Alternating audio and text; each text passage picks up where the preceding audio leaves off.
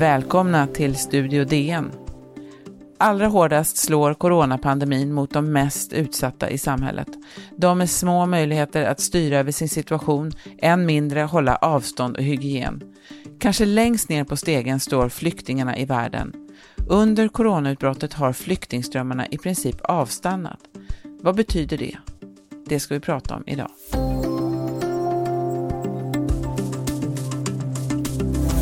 kapıları açtık ve şimdi bu sabah itibariyle yaklaşık 18 bin oldu kapıları zorlayıp geçenler.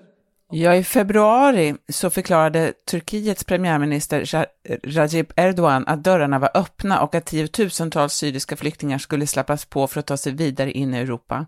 Sen slog viruset till och många gränser stängdes. Medan Europa och världens rika länder koncentrerar sig på att få kontroll över virusutbrottet sätts allt annat på vänt. Men i mitten av april började Turkiet låta människor passera igen. Eh, Ingmar Neveus, hej, du är utrikesreporter på DN. Eh, vi ska återkomma strax till den här gränsen.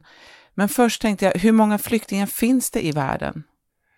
Ja, totalt i världen enligt UNHCR, då, FNs flyktingorgan, så finns det strax över 70 80 miljoner flyktingar i världen och då är en större delen av dem, eller ungefär 45 miljoner idag, är internflyktingar som vi säger på svenska, alltså flyktingar i sitt eget land och ungefär uppåt 30 miljoner är sådana som har passerat en gräns. Och de flesta av dem, ska vi tillägga, är, är ofta i ett grannland. Var någonstans finns de största eh, flyktingmängderna? Ja, det land i världen som har flest flyktingar idag inom sina gränser, det är Turkiet. Där det är uppåt 4 miljoner då och eh, kanske 3,7 miljoner av dem är syrier. Och de vill ju in i Europa då, de allra flesta. Eh, Turkiet har ju eh, under ganska lång tid haft rätt ansträngda relationer eh, med EU när det gäller det här. Hur, hur har läget sett ut nu under de senaste månaderna? Jag kan bara säga att jag tror faktiskt att de flesta av de här syrierna vill nog egentligen återvända till Syrien. Men, men du har rätt, att många, många kanske vill, skulle hellre vilja vara i Europa än att vara kvar i Turkiet. Och eh, ja, det som har hänt de senaste månaderna är att Turkiets president Erdogan, som vi hörde i den här ljudillustrationen, i slutet av februari deklarerade att nu öppnas gränsen och eh, alla flyktingar som vill eh, ska och kan ta sig in i Europa, vilket då innebar över gränsen till Grekland. Eh, och det här tolkades ju mest som en påtryckning mot EU och eh, Grekland. Eh, för att i det här eh, uttalandet så säger Erdogan att tiotusentals redan har tagit sig över gränsen, men så var inte fallet, utan på den grekiska sidan så stoppades de allra, allra flesta. Just det, och eh, vad har hänt där? Du har ju varit i några av de här grekiska lägren på den grekiska sidan. Hur, hur ser det ut där? Jag har varit flera gånger i eh, ett läger som heter Moria som ligger på ön Lesbos och som är, är bara ja, inom synhåll från den turkiska kusten. Och senast eh, så var vi där nere just eh, under den här perioden vi talar om, månadsskiftet februari-mars. Eh, förhållandena i Moria-lägret är, är väldigt eh, tuffa. Alltså det bor över 19 000 personer där. Det är byggt för under 3 000 personer. Så att eh, det är extremt trångt. Eh, det är eh, ett hopplöst ställe och jag har varit där kanske fyra gånger sedan 2015. Det blir värre och värre och trängre och trängre för varje gång. Eh, och nu i, här i början av mars så eh, avråddes man från att besöka lägret eh, överhuvudtaget. Delvis på grund av risken för smitta då. Har man haft smitta där? Vad jag vet har man inte haft det i Moria. Däremot så redan när vi var på plats senast då, då fanns det smitta på ön Lesbos bland lokalbefolkningen. Och eh, det alla fruktar är förstås att det ska ta sig in smitta eftersom i ett sånt här läge så, ja det, det finns liksom inget skydd överhuvudtaget, bara att alla de här råden som vi får med handhygien eller social distansering, alltså det fungerar ju inte när man lever kanske sex, sju personer i ett eh, litet eh, tremanstält. Det fungerar bara inte. Vad har hänt nu eh, de senaste eh, veckorna med, relation, med, med, relationen mellan Turkiet och EU? Då? För att det har väl rapporterats om att det faktiskt kommer folk? Eh, det kommer väldigt få eh, den här vägen. Däremot så har Turkiet återigen, alltså det var helgen 11-12 april, vår påskhelg, då eh, fanns det tecken på att Turkiet återigen tog till det här flyktingvapnet så att säga för att sätta press på EU och att man eh, bussade ner folk till, eh, till kusten eh, och till gränsen i norr, landgränsen, eh, just för att eh, eh visa Grekland och EU att den här eh, politiken har bara tagit paus. Nu, nu kanske den börjar igen så att säga. Just det. Vi ska strax återkomma till eh, vilka konsekvenser det kan få om coronautbrottet tar fäste i flyktingläger.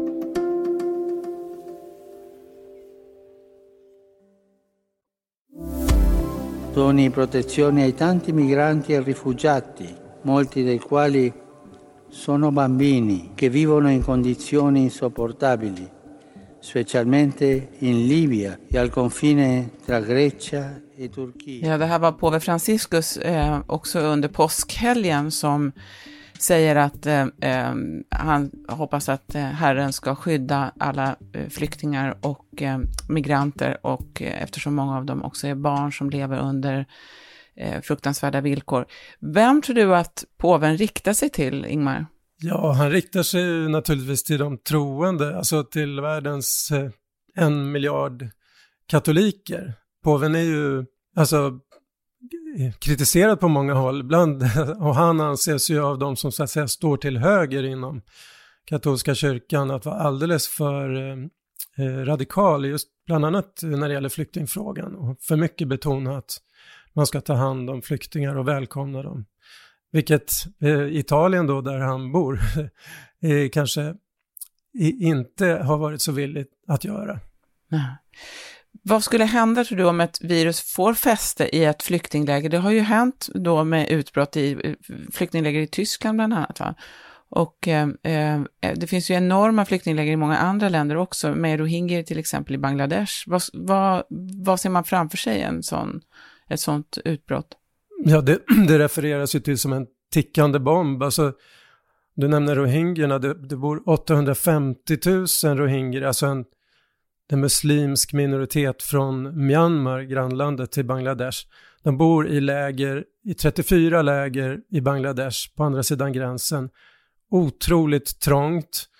Eh, det, man, det man fruktar är ju eh, massdöd, alltså om viruset tar sig in. Just för att Eh, de här människorna lever så trångt. Eh, rohingyerna lever dubbelt så trångt som passagerarna på det här kryssningsfartyget Diamond Princess, där en person smittade 700.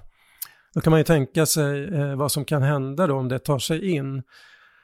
Um, där man inte kan få tag i tvål, där man eh, lever liksom eh, väl, nästan på varann i baracker och tält.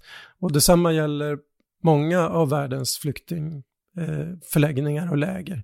Det här som har hänt i Grekland är tre olika förläggningar och tror jag lika många i Tyskland där smitta har konstaterats. Då har man helt enkelt satt dem i karantän och eh, vad jag vet så har det inte eh, blivit eh, någon katastrof av det. Nej. Vem är det som, man undrar ju vem är det som har ansvar? Är det liksom, är det de här länderna som de kommer i eller har FN någon slags möjlighet att göra någonting? FN är ju, har ju också stora problem. Vem, vem kan ha den logistiska kapaciteten och den, liksom, finns det politisk vilja och resurser att ja, den göra någonting åt det här? Det politiska viljan minskar ju i, eftersom corona utbrottet tar så mycket syre, alltså det tar ju så mycket resurser och det tar så mycket uppmärksamhet i alla länder. FN gör ju mycket i, till exempel i Bangladesh, men sen är det också att och i många eh, länder i Afrika där det finns eh, flyktingläger.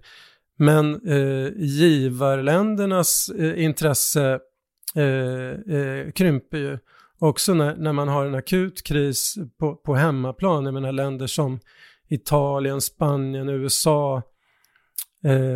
Eh, där, där, prioriterar man ju eh, att liksom stoppa pandemin just nu. Så att eh, FN och UNHCR och andra eh, går ut med appeller om ökad finansiering så får de väldigt lite respons. Vad tror du eh, händer sen då så småningom när eh, gränserna ändå öppnas lite grann igen? Vad tror du att det får för konsekvenser på flyktingströmmar? Ja, det är väldigt svårt att säga, men en sak man kan säga, det, ibland har det varnats för att pandemin i sig kommer att leda till ökade flyktingströmmar. Eh, det motsägs ju av många forskare som hävdar att så att säga ökad fattigdom, ökad misär inte i sig ökar flyktingströmmar. Tvärtom är det så att de stora flyktingströmmarna från fattiga länder i till exempel Afrika, de, de är, det är inte de fattigaste utan det är dyrt att fly så att det är när länderna blir något mindre fattiga som flyktingströmmar ökar istället. Så eh, dessvärre, alla, liksom de världens mest eh, utsatta människor, bland dem är ju de här internflyktingarna till exempel i afrikanska länder. De kommer inte eh, som ett omedelbart resultat av pandemin att ta sig till Europa. Nej, just det. Ehm, Tusen tack ska du ha, eh, Ingmar. Imorgon torsdag ska vi prata om USA, Joe Biden och Donald Trump och om varför det är så svårt att veta hur det går. För ljudillustrationerna står TT Nyhetsbyrån och AP. Studio DN görs av producent Sabina Marmelakai, exekutiv producent Augustin Erba, ljudtekniker, ljudtekniker Patrik Miesenberger, teknik Oliver Bergman från Bauer Media. Jag heter Sanna Thorén Björling.